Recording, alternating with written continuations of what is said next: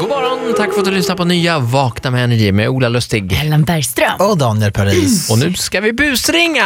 Ja! Bra för mig! Hurra! Ja, vi har då Andrea som skriver in om sin flickvän Elin. Elin har lämnat blod och när man lämnar blod så finns det en regel att man får inte göra det om man själv eller ens partner har tatuerat sig inom ett år. Det är lite regler runt det där, inte, man, inte om man är gay heller va? Nej, Man- precis. Inte om man har sex med andra killar. Men eh, ja, det kanske inte var problemet med just eh, Nej, Elin. Men jag det- tänker absolut. Ah. liksom att eh, hon hade glömt bort det här. Och nu är hon så sjukt orolig för att hon kommer få skit för att hon hade glömt. tycker vi ringer från bl- blodcentralen här. Hej Elin.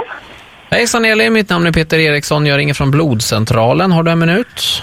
Ja, hej. Jag ber om ursäkt att jag inte har svarat, men jag var och tränade. Ja, nej det är ingen fara. Men du är i alla fall eh, registrerad blodgivare och det vill vi tacka för. Ja, Eh, tyvärr så har det skett en liten incident nu. okej. Och då har det visat sig att du har kraftigt förhöjda blyvärden i blodet. Och vad betyder det? Det betyder oftast att man har en partner som har tatuerat sig faktiskt. Det var länge sedan alltså. Det var över ett år sedan.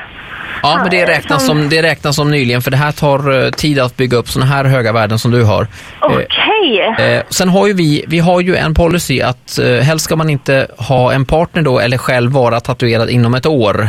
Nej, precis. Just för på det- grund av detta. Ja, och det var, det var därför jag verkligen tänkte igenom. Nej, men när gjorde han det? Och så eh, sa han själv, men det var ju, ö- det är ju över ett år sedan. Ja, nej, jag, Ja, jag men förstår då- att det, detta inte var, var med din mening såklart. Nej, Eh. verkligen inte. Jag, jag ber så hemskt mycket om ursäkt. Jag blev helt... Det var jättetråkigt va, men nu vet du om det i alla fall. Men gud, ja, nu blir jag ju jätteorolig. Okej. Tyvärr då, det som har hänt var att vi hade, fick ju en, eh, var ju en treårig kille eh, på lasarettet som eh, fick blodtransfusion då med ditt blod. Ja. Och eh, den här killen har ju då, eh, han fick ju också förhöjda värden, har blivit magnetisk. Vad betyder detta? Nu, nu blir jag helt... Ja, jag förstår det. det, det, det har, ju- framförallt för familjen är det för tråkigt va, för att han har ju blivit så pass magnetisk så han kan inte, till exempel, de har ju fått plocka bort alla såna här kylskåpsmagneter hemma va. Okej. Och han får inte heller leka med briotåg utan för de här tåg, de vagnarna fastnar på kroppen på honom va. Men herregud. I övrigt så mår han bra. Okej. Det, det, det vi kan säga till dig nu det är att eh, du får äta mycket blodpudding de kommande veckorna. Ja. Och så Elin får du lyssna väldigt, väldigt noga på Ja. ehm, radioprogrammet Vakna med Energy.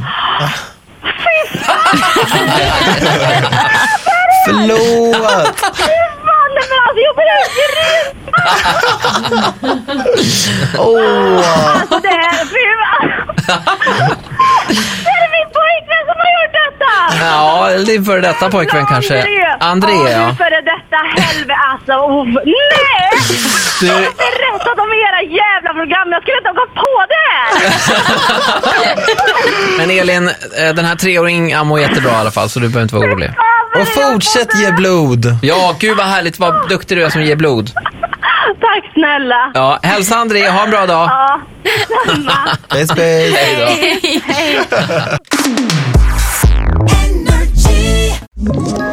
Ett poddtips från Podplay. I podden Något Kaiko garanterar östgötarna Brutti och jag, Davva, dig en stor dos skratt. Där följer jag pladask för köttätandet igen. Man är lite som en jävla vampyr. Man har fått lite blodsmak och då måste man ha mer. Udda spaningar, fängslande anekdoter och en och annan arg rant. Jag måste ha mitt kaffe på morgonen för annars är jag ingen trevlig människa. Då är du ingen trevlig människa, punkt. Något Kaiko, hör du på Podplay. Därför arkadeinerna.